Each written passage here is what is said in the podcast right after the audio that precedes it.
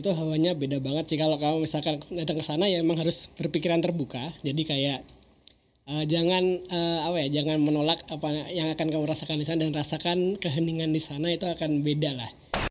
Ngobrol pagi-pagi setiap hari dijamin happy.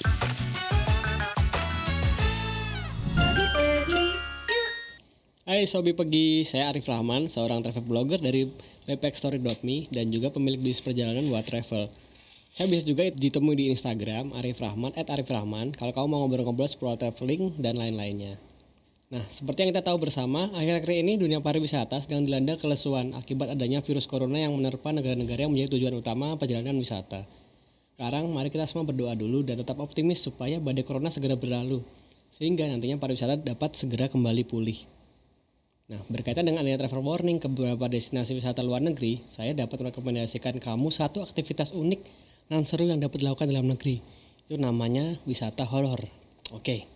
Sebenarnya wisata horor ini mungkin dari namanya terdengar seram, padahal sebenarnya ya memang agak-agak seram sih. Cuman itu tergantung gimana kita menyikapi destinasi tujuan itu.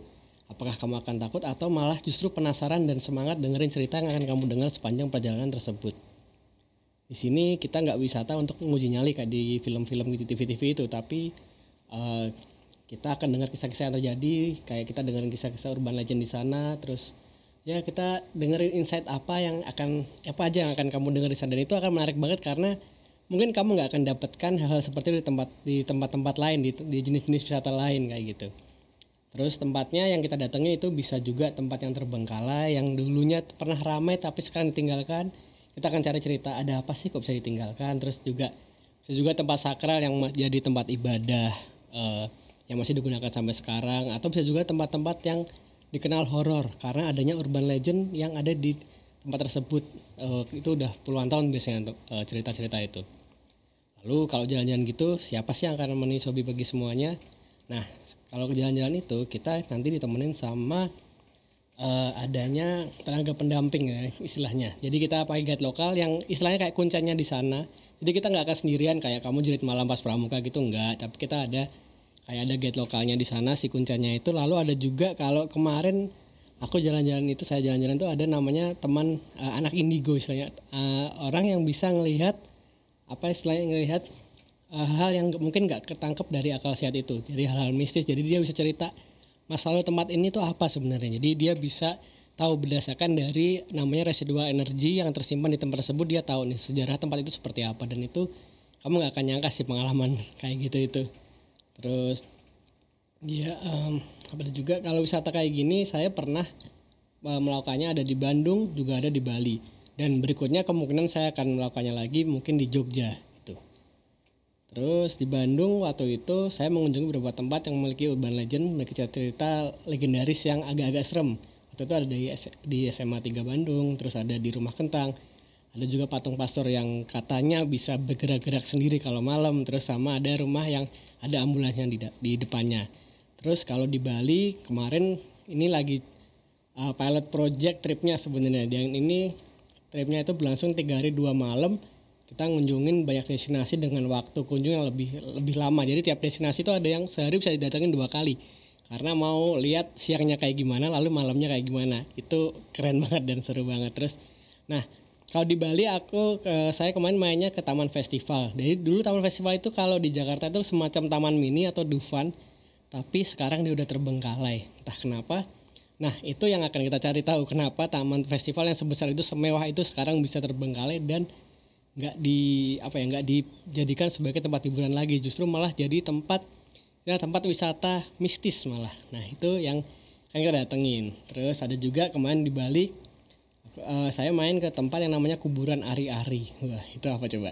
Kuburan ari itu jadi semacam uh, apa ya tempat untuk menggantungkan kalau biasa orang Jawa di sini kalau bayi lahir itu ari-ari atau plasenta itu kan ditanam di depan rumah. Tapi kalau di sana di Bali itu ada tempat di mana orang-orang sekitar itu menggantungkan ari-ari dari bayi yang baru lahir itu di pohon. Nah itu mereka percaya bahwa sebenarnya pohon itu adalah perwujudan seorang ibu yang akan menjaga ari-ari tersebut. Jadi kayak uh, ya itu kepercayaan lokal. Jadi jadi ari-ari tersebut akan digantung dan sampai nunggu sampai jatuh sendiri ke tanah dan itu dia akan saya dari tanah kembali ke tanah dan itu dinaungi oleh pohon besar yang perwujudan seorang ibu kayak gitu terus ada juga kalau kau pernah dengar eh, kuburan namanya kuburan Trunyan itu juga unik karena itu satu-satunya tempat di dunia deng- eh, di kalau orang meninggal itu nggak dikubur nggak dibakar tapi cuman di digeletakin lah istilahnya di situ. Sana ada dan itu cuman dipakai oleh eh, orang-orang di desa Trunyan itu itu ada 11 11 slot istilahnya 11 slot eh, nggak kuburan. Itu kayak 11 slot rumah-rumah kecil itu tempat meletakkan mayat lah istilahnya. Dan di situ mayat dibiarkan sampai membusuk sampai tinggal tulang belulang sebelum dipindahkan dan dirapikan lagi jadi ketika ada misalnya ada jenazah yang baru ya itu digeser gitu-gitu. Jadi kayak oh ya menarik lah. Jadi kamu nggak akan pernah menemukan jenis oh jenis pemakaman seperti itu jenis penghormatan kepada orang meninggal seperti itu. Dan menariknya itu nggak bau sama sekali jadi mayatnya. Jadi kayak eh, apa ya ini sama sekali nggak ada baunya. Karena di ada satu pohon besar namanya apa tarum menyan tuh yang eh, yang mendasari nama turunan itu namanya tarum, tarum menyan itu. Dan itu pohon itu mengeluarkan ba, apa ya aroma atau eh, aroma yang bisa mengcounter aroma dari si mayat itu. Jadi ketika kita ke sana itu nggak bau sama sekali dan itu mayat juga pembusukannya dari apa namanya dari pohon itu sendiri katanya dari apa akar-akar pohon dan apa zat-zat yang terdapat di pohon itu dan pohon itu cuma ada di Bali cuma ada satu-satunya di dunia pohonnya seperti itu. Jadi itu kalau kamu ke Bali eh, dan pengen merasakan trip yang lain ya kamu harus ikut si trip-trip seperti ini. Itu seru banget.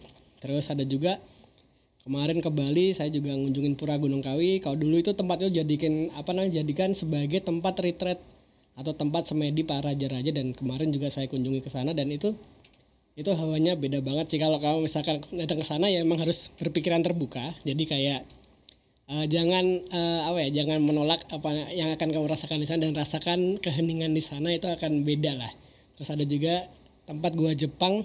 Gua Jepang kan sebenarnya banyak di Indonesia. Jadi ketika penyanyi Jepang itu eh, ada juga orang-orang Indonesia yang dipekerjakan paksa untuk membuat gua di sana untuk membuat gua Jepang di sana dan kita ke sana untuk apa sih untuk melihat untuk mengetahui gimana sih sebenarnya masa lalu dari gua Jepang ini kayak gitu. Dan dan di gua Jepang itu kalau kemarin ada pengalaman menarik bahwa di sini itu masih ada beberapa kalau orang yang bisa merasakan itu da- dia akan merasakan ah, bahwa di sini masih ada tentara yang sering baris berbaris gitu. Tapi tanpa kepala yang harus mesra- bisa merasakan. Karena emang di buat apel pagi dulunya. Jadi orang baris di gua itu dan dan tapi ketika mereka bertempur ya itu pada dipenggal gitu ceritanya. Di mereka headless semua kalau orang bisa melihat. Dan ada juga kemarin ketemu ada satu tentara Jepang yang yang ngomong lah istilahnya ngomong ke peserta itu kayak "Eh, aku sebenarnya pengen pulang ke Jepang karena aku kangen sama ibuku. ya.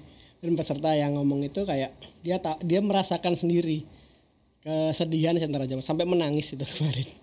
Dia kayak eh, jenis wisata ya apa ini jenis wisata yang unik banget maksudnya kayak kamu jadi bisa mendapatkan pengalaman seperti itu. Tapi mungkin emang segmented mungkin bukan buat semua orang tapi ya ini beda lah wisatanya itu itu itu yang di Bali. Terus nah kalau Sobi pergi ingin wisata kayak gini persiapannya gimana sih kalau dari saya sebenarnya yang pertama tentunya kamu harus nyiapin mental dulu. Kemudian ada keberanian karena kalau nggak itu nanti jadi nggak enjoy jadi takut-takut sendiri terus mentalnya kayak mikir macam-macam. Yang penting eh, kita optimis aja positif. Kalau kita ingin wisata kita pengen tahu sejarah dan lain-lain nggak pengen cari yang aneh-aneh gitu. Itu malah enak malah enjoy aja sebenarnya itu terus uh, juga siapin pikiran open minded karena mungkin kamu akan nemuin hal-hal yang nggak akan bisa jelasin dengan akal sehat sih sebenarnya Kayak tiba-tiba ada orang yang misalkan merasakan ada yang lewat gitu-gitu. Atau mungkin tiba-tiba ada yang menangis atau apa. Itu energi-energi yang mungkin muncul di sekitarmu itu mungkin kalau secara logis itu nggak akan bisa dijelaskan. Jadi kamu harusnya harus open minded kalau ikutan trip-trip seperti ini. Terus kalau masalah pakaian, pakai juga pakaian yang nyaman, sopan dan kadang ada beberapa tempat itu yang nggak boleh. Misalkan pakai baju warna hijau misalkan. Terus ketika kamu maju, eh, masuk kamu nggak boleh pakai celana pendek atau rok mini nah kamu juga harus ngikutin aturan itu pakai kain atau pakai apa namanya selendang gitu gitu terus kalau masalah eh, perawatan tubuh eh, kalau saya sih nyaranin bahwa kalau kan tempatnya kadang-kadang outdoor dan teman-teman terbengkalai. Kalau outdoor paling bawa sunblock aja buat cahaya matahari sama juga lotion anti nyamuk. Karena kalau kita malam-malam kemarin saya ke taman festival tuh malam-malam masuk jam 8 keluar jam 11. Luar biasa sih emang. Terus itu kayak nah, itu pakai eh, lotion anti nyamuk karena banyak eh, nyamuk ya mungkin gigit-gigit gitu kan. Ya udah itu itu aja aman sih sama ya udah eh, jangan mencar-mencar sendiri sih kalau jalan-jalan kayak gini. Jadi ya ikutan rombongan jangan malah anak-anak sendiri dan itu harusnya insya Allah aman sih gitu. Terus pakai bawa juga ini eh, payung atau mantel karena kadang-kadang kalau tempat-tempatnya eh, alam gitu kit- suka tiba-tiba hujan sih. Itu dibawa aja Terus untuk eh, kalau kamu wanita dan sedang haid itu ada beberapa tempat yang memang nggak boleh masuk. Jadi pastikan dulu, nanya dulu tempatnya kayak gimana. Apakah boleh kalau ketika halangan masuk dan kalau boleh ya silakan. Kalau nggak boleh ya terpaksanya emang harus tunggu di luar tapi nggak apa-apa gitu kan. Emang aturannya seperti itu. Nah kemudian terakhir nih masalah biaya. Kalau wisata horor ini sebenarnya berapa sih biayanya?